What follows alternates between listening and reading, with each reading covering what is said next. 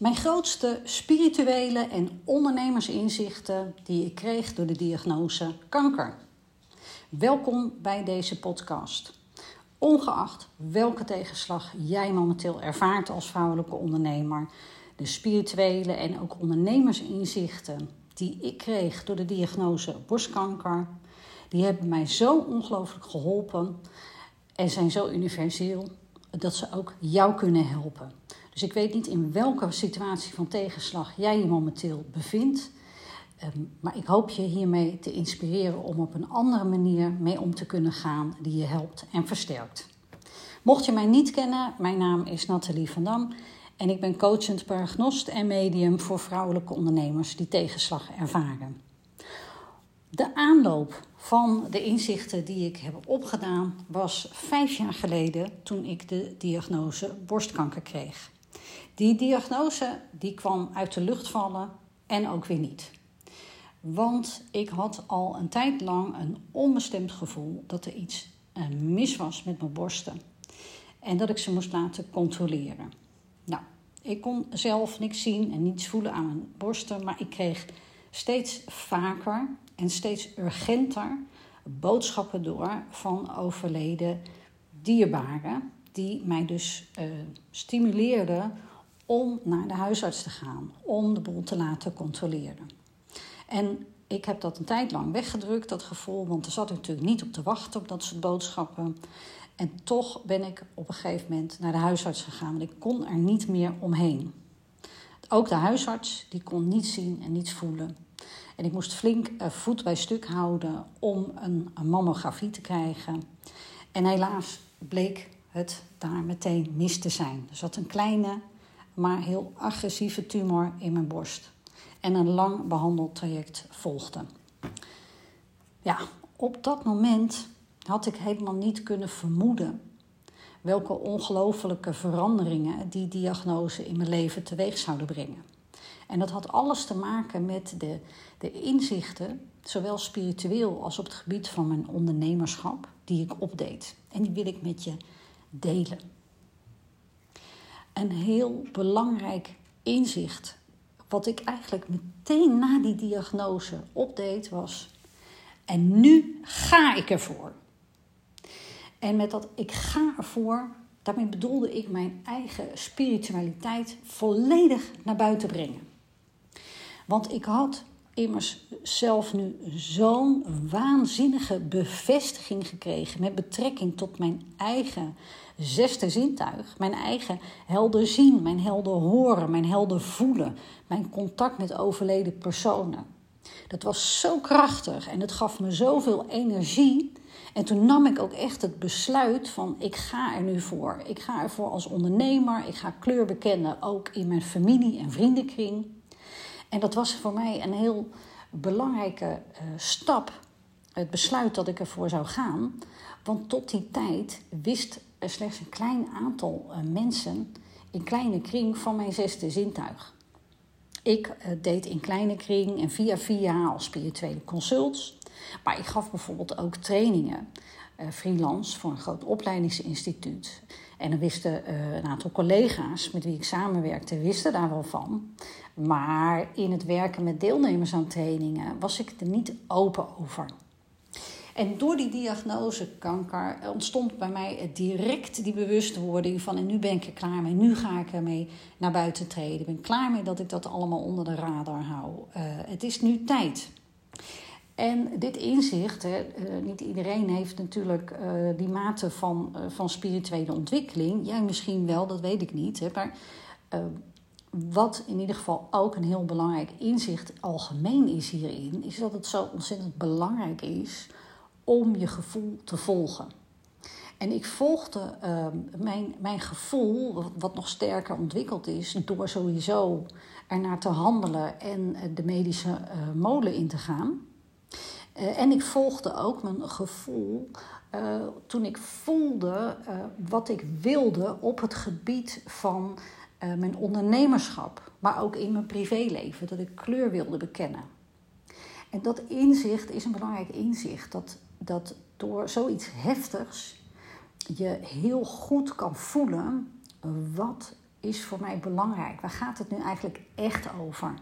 Wie is voor mij belangrijk? Dat is ook een belangrijk uh, inzicht. Wie wil je om je heen hebben als zoiets je overkomt? En dat stuk van kleur bekennen, dat uh, vind ik zo belangrijk omdat ik zo de overtuiging heb uh, dat het zo belangrijk is, juist ook als ondernemer, om authentiek te zijn. En dat, dat ondernemersinzicht wil ik je ook meegeven. En met authentiek zijn bedoel ik dat, dat uh, datgene wie jij bent en waar jij voor staat in jouw kwaliteiten, dat dat plek mag krijgen. Dat je ermee naar buiten mag treden. Dat je oké bent zoals je bent. En waarom is dat zo belangrijk? Omdat andere mensen, je klanten, cliënten, relaties, opdrachtgevers, die kunnen voelen, bewust of onbewust, of jij authentiek bent, of jij klopt, of jij echt bent. Daar hebben wij mensen een neus voor. En dus het gaat je helpen in je ondernemerschap. Als jij voor jezelf kleur kan bekennen en kan gaan voor dat wat jij wil en authentiek kan zijn daarin. En bovendien is het ook nog eens zo. Als een deel van jou er niet mag zijn, dan kost je dat heel veel energie. En, en pas toen ik het de ruimte gaf, toen ik mezelf toestemming gaf eh, van nu ga ik die spiritualiteit volledig naar buiten brengen en inzetten en gebruiken. En niet meer onder de radar toen gaf me dat ook heel veel ruimte. En toen merkte ik ook dat me dat energie had gekost. Hè? Dat ik dat al die tijd zo had onderdrukt. En op dat moment had ik, eh, toen ik dat besluit nam, had ik nog wel anderhalf jaar medische behandeling voor de boegen. Maar dat eerste inzicht, dat was er meteen al. En wat dus invloed zou hebben, niet alleen op mijn ondernemerschap, maar ook op mijn privéleven. Want ik wist, mensen in mijn omgeving die gaan hier iets van vinden. Familie, vrienden, kennissen, oude relaties.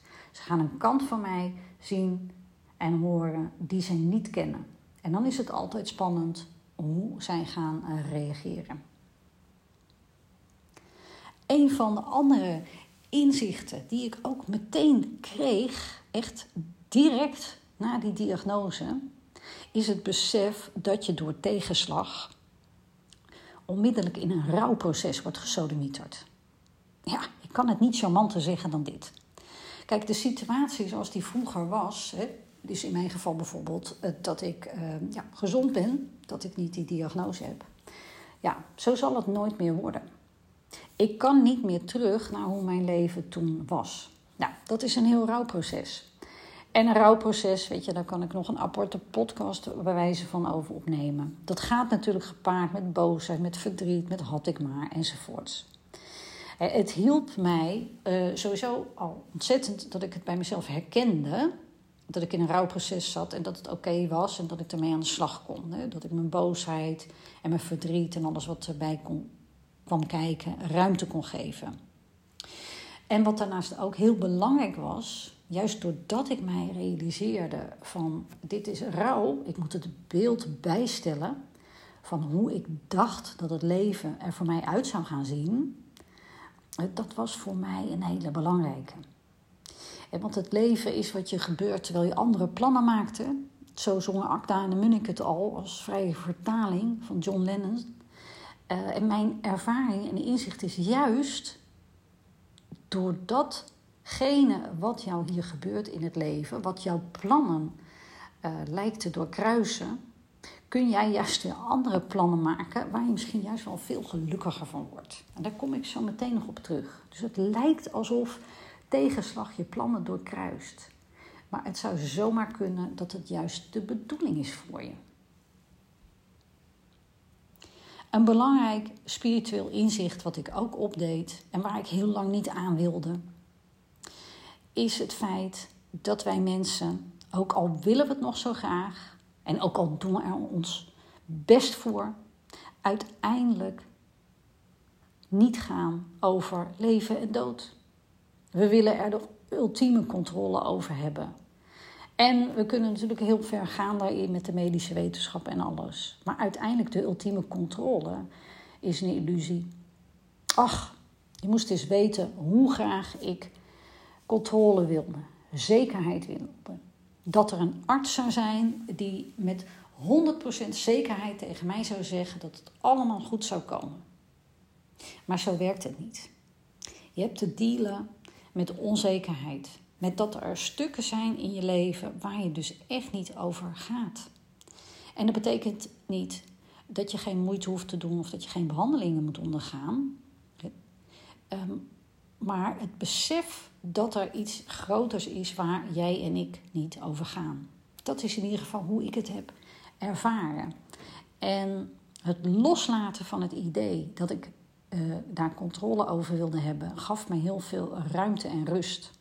Want ik was eigenlijk onbewust nog aan het strijden met dat idee. Ik wilde daar niet aan. Ik wilde controle hebben. En strijden uh, over iets waar je geen invloed op hebt, kost je bakken met energie. Energie die je op dat moment veel beter kan gebruiken in je proces van dealen met tegenslag. Waar je natuurlijk wel om invloed op hebt, is hoe je omgaat met de tegenslagen die op je pad komen. Daar heb je natuurlijk wel controle over. Dus die shift heb ik toen gemaakt. En dat was ook een belangrijk inzicht voor mij.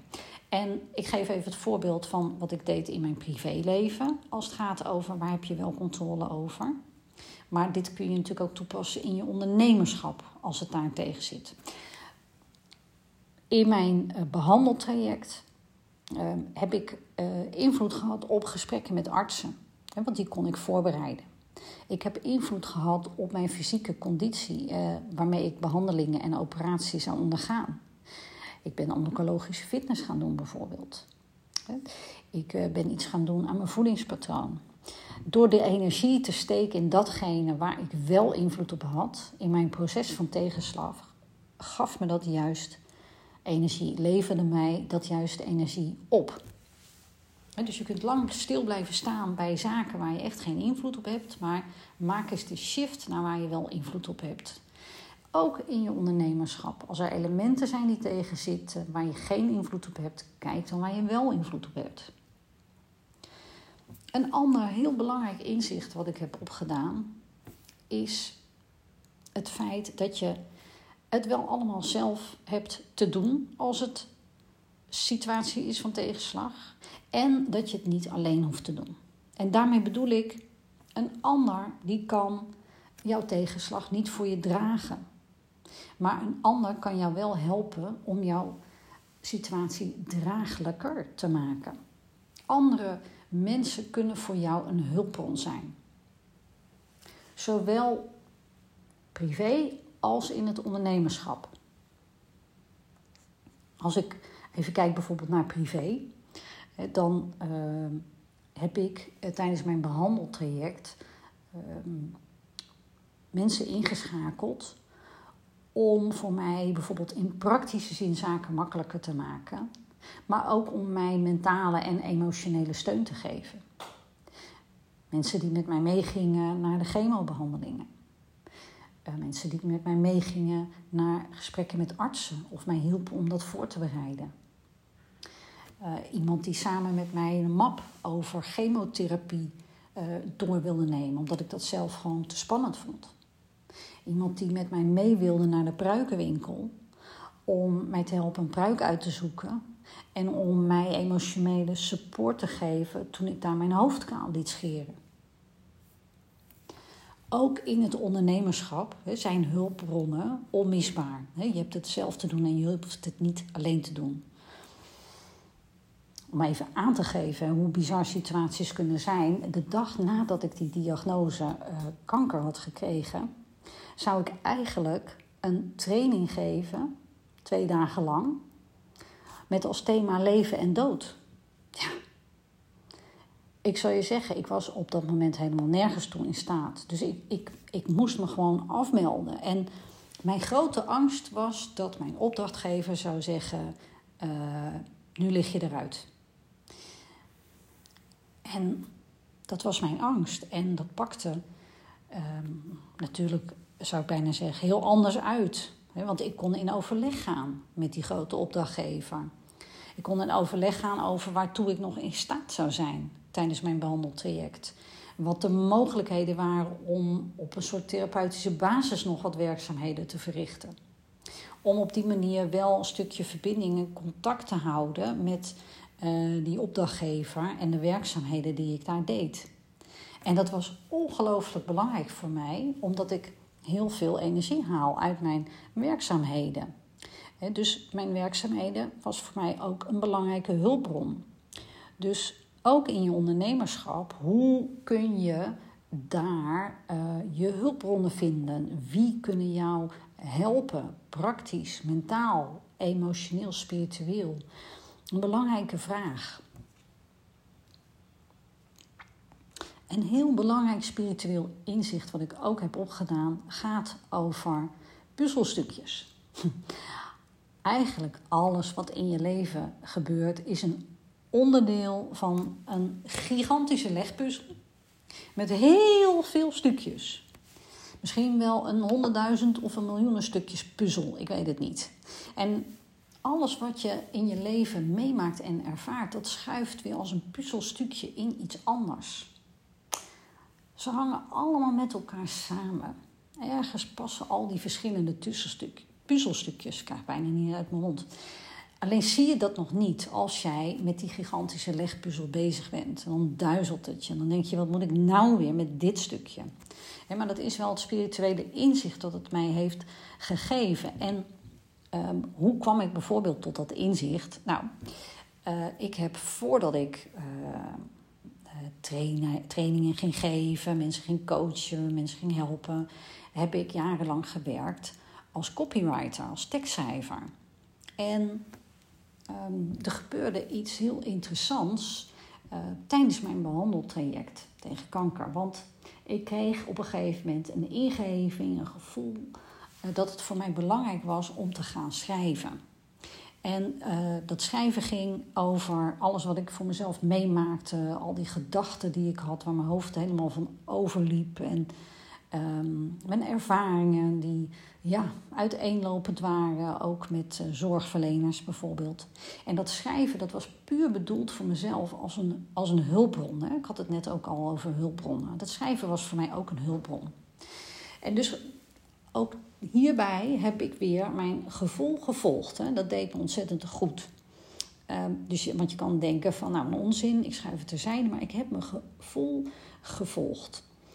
En ik realiseerde me op een gegeven moment hoe bizar het was, omdat dat oude puzzelstukje van mijn vak als tekstschrijver gewoon weer terugkwam. Want ik kon heel makkelijk schrijven en ik kreeg er ook plezier in. Dus, dus het schrijven deed me ook gewoon goed.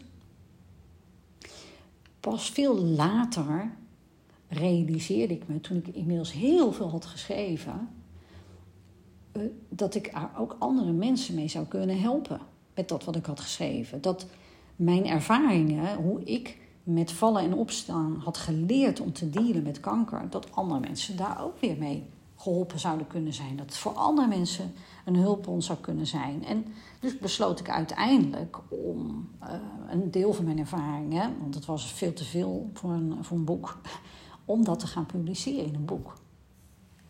En ik benoem dit eventjes, die puzzelstukjes, dit inzicht, ook omdat, ik, omdat je soms niet begrijpt waarom dingen je overkomen. En ook omdat ik best wel vaak ondernemers uh, hoor spreken, een beetje geringschattend over dat ze zoveel uiteenlopende verschillende werkzaamheden of ervaringen hebben opgedaan en uh, wat ze allemaal hebben meegemaakt en dat het allemaal totaal niet met elkaar samenhangt en daar dan ook een oordeel over hebben over zichzelf van ben ik eigenlijk wel goed bezig? Want ik vlieg alle kanten op in het leven en ik maak van alles mee en het is niet allemaal even positief. Terwijl eigenlijk het allemaal klopt als een bus. Want het past in die grote puzzel en iedere ervaring, ook iedere tegenslag, die brengt jou iets. Een ander belangrijk inzicht wat ik opdeed, ook als het gaat om ondernemerschap, dan is dat dat ik de neiging had bij tegenslag, en die herken je vast wel, dat je helemaal kan in gaan zoomen op dat wat er misgaat. Alsof je hele leven alleen nog maar lijkt te draaien om die tegenslag. Het is een beetje alsof je zo'n hagel witte blouse aan hebt en er zit een heel klein zwart vlekje op. Misschien ken je dat wel, dat dan daar al je aandacht naartoe gaat. En het is ook eigenlijk wel logisch. Hè? En ik kwam ook bijvoorbeeld na die diagnose kanker in een wasmachine van allemaal negatieve gedachten en gevoelens terecht. En het vervelende is, dat is natuurlijk sowieso vervelend, maar het punt is dat je hoofd dan zo vol zit, dat er iets in je brein gebeurt, waardoor je helderheid en overzicht mist. En dat is lastig, sowieso is dat lastig in je leven. En als, als je zelfstandig ondernemer bent, dan is dat helemaal lastig. Want als jij geen helderheid en overzicht hebt, hoe ga je dan knopen doorhakken, beslissingen nemen? Hoe focus je op je werkzaamheden gedurende de dag? Dus je hebt iets te doen en je hebt uit te zoomen. Dat was een belangrijk inzicht wat ik opdeed. Je hebt te kijken naar wat is er nog meer in je leven dan alleen die tegenslag. En wat daar onder andere bij helpt, en ik noemde het woord eerder al, hulpbronnen, hulpbronnen, hulpbronnen. Mensen, activiteiten, mooie gedachten of herinneringen. Alles wat jou kan helpen om je in een andere stemming te brengen eventjes. Om uit te zoomen. Zodat je makkelijker kan dealen met de andere kant van de weegschaal. De shit die op je pad is gekomen. Waarom, waarom, waarom? Als jou een tegenslag overkomt, dan wil je graag begrijpen waarom het je overkomt. Misschien herken je dat ook wel, dat je jezelf dan ook echt letterlijk die vraag stelt. En het punt is, op het moment zelf dat je er middenin zit, dan ga je daar gewoon nog niet achter komen. Je kunt er heel veel energie in steken. Van ik wil weten waarom dit gebeurt, want laten we eerlijk zijn, sommige tegenslagen die je overkomen, die zijn toch ook echt onbegrijpelijk. Maar in plaats van dat je daar blijft focussen op die vraag, die waarom-vraag, is het veel helpender dat je kan en durft te vertrouwen op dat er een groter geheel is, een grotere macht is, waar wij niet over gaan. En die, die grotere macht, dat die het wel goed met je voor heeft. Ook al lijkt dat nu niet zo. dus dat de tegenslag voor jou wel een bepaalde bedoeling heeft en die is positief. Ook al kan je het niet bevatten. En ik weet dat het is soms onbegrijpelijk met wat je overkomt.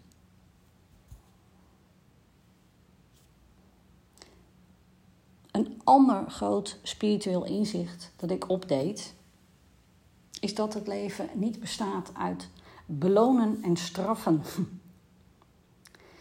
Want ik zal je eerlijk zeggen dat ik me best wel schuldig voelde. In de loop van mijn behandeltraject tegen kanker ging ik zo eens mijmeren en terugdenken aan al die jaren dat ik niet goed voor mezelf had gezorgd. Niet goed voor mijn lijf had gezorgd. Niet uh, goed had gezorgd als het gaat over stress uh, voorkomen. Een ongezonde levensstijl. En ik dacht, ja, jeetje, het is ook wel eigenlijk mijn eigen schuld. En ik realiseerde me, en dat is echt wel een, een groot spiritueel inzicht waar ik bij geholpen ben door uh, ja, mijn helpers daarboven, om maar zo te zeggen dat het leven niet bestaat uit belonen en straffen. Dat het naar boven niet zo werkt. Hoe het werkt is heel anders. Je maakt namelijk ervaringen mee met de bedoeling om daarvan te leren en te groeien. Want tegenslag heeft altijd een positieve bedoeling voor jou, ook al snap je er op een moment niks van. Dat benoemde ik net al. Hoe het werkt is, je leert door je ervaringen op aarde. Je bent een ziel in een aardse verpakking. De aarde is één grote speeltuin voor ons. En um, die stelt ons in staat om heel veel dingen mee te maken. Leuke dingen en minder leuke dingen. En daar leren we ontzettend veel van. Daar groeien we door. Maar ja, op het moment dat je midden in die shit zit, dan kun je niet zien wat voor positieve bedoeling daaraan vastzit. En wat dan wel helpt, en wat mij ook heeft geholpen, is om terug te kijken op andere tegenslagen in mijn leven. En om te kijken welke positieve leerervaring heb ik toen opgedaan. En wat heeft het me toen in positieve zin opgeleverd? En dat gaf mij ook het vertrouwen dat ook al snapte ik nog niet ehm, wat de positieve bedoeling kon zijn van de diagnose kanker, dat ik, dat ik wel het vertrouwen had van dit gaat me iets opleveren. Ik snap nog niet wat het is, maar dit gaat me iets opleveren. Juist die tegenslagen in je leven zijn zo ontzettend belangrijk, omdat het hele belangrijke knooppunten zijn in je leven. En dat inzicht, dat deed ik heel duidelijk op. Je bent bedoeld om op zo'n knooppunt even een pas op de plaats te maken. Omdat er heel veel van te leren valt voor jou. En als ik zo terugkijk op mijn leven en ook op de diagnose kanker, eh, bijvoorbeeld, dan zijn er verschillende knooppunten geweest waarop ik eh, ook vaak letterlijk ben stilgelegd. En als jij, net als ik, een ongedurige en ambitieuze vrouw bent en altijd vol gas vooruit wil, dan is dat super irritant. Weet je, maar juist door die tegenslagen word je eventjes uh, op pauze gezet, omdat jou dan een, een, een, moment wordt gegund. En moment kan soms wat langer zijn dan jij wilt, waarop jij de keuze hebt om te bepalen hoe je verder wilt. Zowel in je privéleven als in je ondernemerschap. Dus ik realiseerde me dat ik op een belangrijk knooppunt stond. En dat ik dus keuze had hoe ik verder zou gaan. Een ander belangrijk inzicht is wat dat betreft ook dat tegenslag mij vol in contact bracht met mijn verlangen. Want dat is wat tegenslag doet en kan doen en vaak doet. Juist doordat je in contact bent met wat je niet wil, kom je in contact met wat je wel wil. Oh, wat kon ik zo voelen, ik wil niet doodgaan. En daardoor kwam ik in contact met mijn grote verlangen, ik wil leven. Ik vertelde je eerder dat ik uh, mijn ervaring heb gepubliceerd in een, in een boek. En dat heet niet voor niets Kanker, cadeau van het leven. En sommige mensen zeggen, is dit soms cynisch bedoeld, die titel? Nee, dat is het niet. Want het heeft mij namelijk heel veel gebracht in positieve zin. Want ik ging namelijk volop fantaseren en visualiseren over ja, hoe ga ik dat dan doen, dat leven. En ik had er ook eigenlijk meteen plannen en ideeën bij. Zowel in ondernemerschap als in mijn privéleven. In mijn privéleven wilde ik bijvoorbeeld heel graag een hond.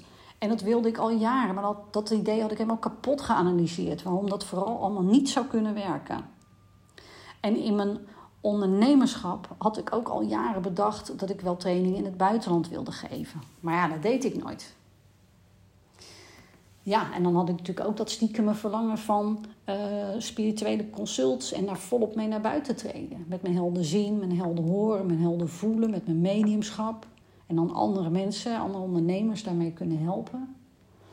En, en, en die verlangens die kwamen vol naar boven. En het grote verschil met hoe het voorheen was, dat ik me zo realiseerde dat als ik echt iets wil, als ik ergens voor wil gaan in mijn leven en in mijn ondernemerschap, dan blijft een verlangen een verlangen als je er niks mee doet. Ja, dat is een inkoppertje, maar je hebt actie te ondernemen. Wie mij volgt op social media, die weet uh, inmiddels dat ik een hond heb. Een, een, een te gekke hond, mijn maatje, mijn kameraadje. En als ik zo naar hem kijk, dan denk ik, hoe had ik ooit kunnen bedenken al die gedachten waarom dit niet zou kunnen werken? Want ik heb daar een weg in gevonden. En ik heb afgelopen jaar trainingen gegeven in Valencia in Spanje. De training Volg je verlangen aan vrouwelijke ondernemers. En het was fantastisch toen ik daarmee bezig was, omdat ik zo voelde, ik ben nu mijn verlangens aan het realiseren en ik mag nu zelfs andere mensen daarmee helpen. Weet je, de, mijn boek Kanker, cadeau van het leven. Uh, ik ben het nog steeds aan het oefenen met hoe ik dat doe. Mijn leven invulling geven, mijn verlangens voelen, mijn verlangens uitspreken en er ook naar handelen. En ik ben daarin een leerling van het leven. Ik denk dat het een proces is wat mijn leven lang nog doorgaat. En ik hoop dat mij dat nog ook een lange tijd is gegund. Ik ben heel benieuwd welke inzichten jij als vrouwelijke ondernemer meeneemt van deze podcast. Uh, als je het leuk vindt, kun je me altijd een berichtje daarover sturen via mijn site natalievandam.nl. Mijn boek Kanker, cadeau van het leven kun je trouwens online bestellen als je dat wil. Bijvoorbeeld bij bol.com, bol.com. Of je kunt ook de lokale boekhandel supporten en het daar bestellen. Ik zal in de show notes nog eventjes de titel van het boek zetten. Ten slotte, vond je deze podcast de moeite waard? Uh, zou je hem aanraden aan andere mensen om te luisteren? Uh, zou je dan je review willen achterlaten op Spotify of in Apple Podcast? In Spotify doe je dat heel eenvoudig door naar Nathalie van Dam, eh, de podcast te gaan. Dus niet deze aflevering, maar gewoon de podcast algemeen. En daar zie je ofwel een aantal sterretjes staan, of je ziet een getal wat richting de 5 gaat. Dan klik je daarop en dan kun je je review, uh, uh, kun je gewoon je waardering achterlaten. En in Apple kun je helemaal naar beneden scrollen en daar uh, ook je review achterlaten. Dankjewel voor je kostbare tijd, voor het luisteren. En heel graag weer tot een volgende podcast.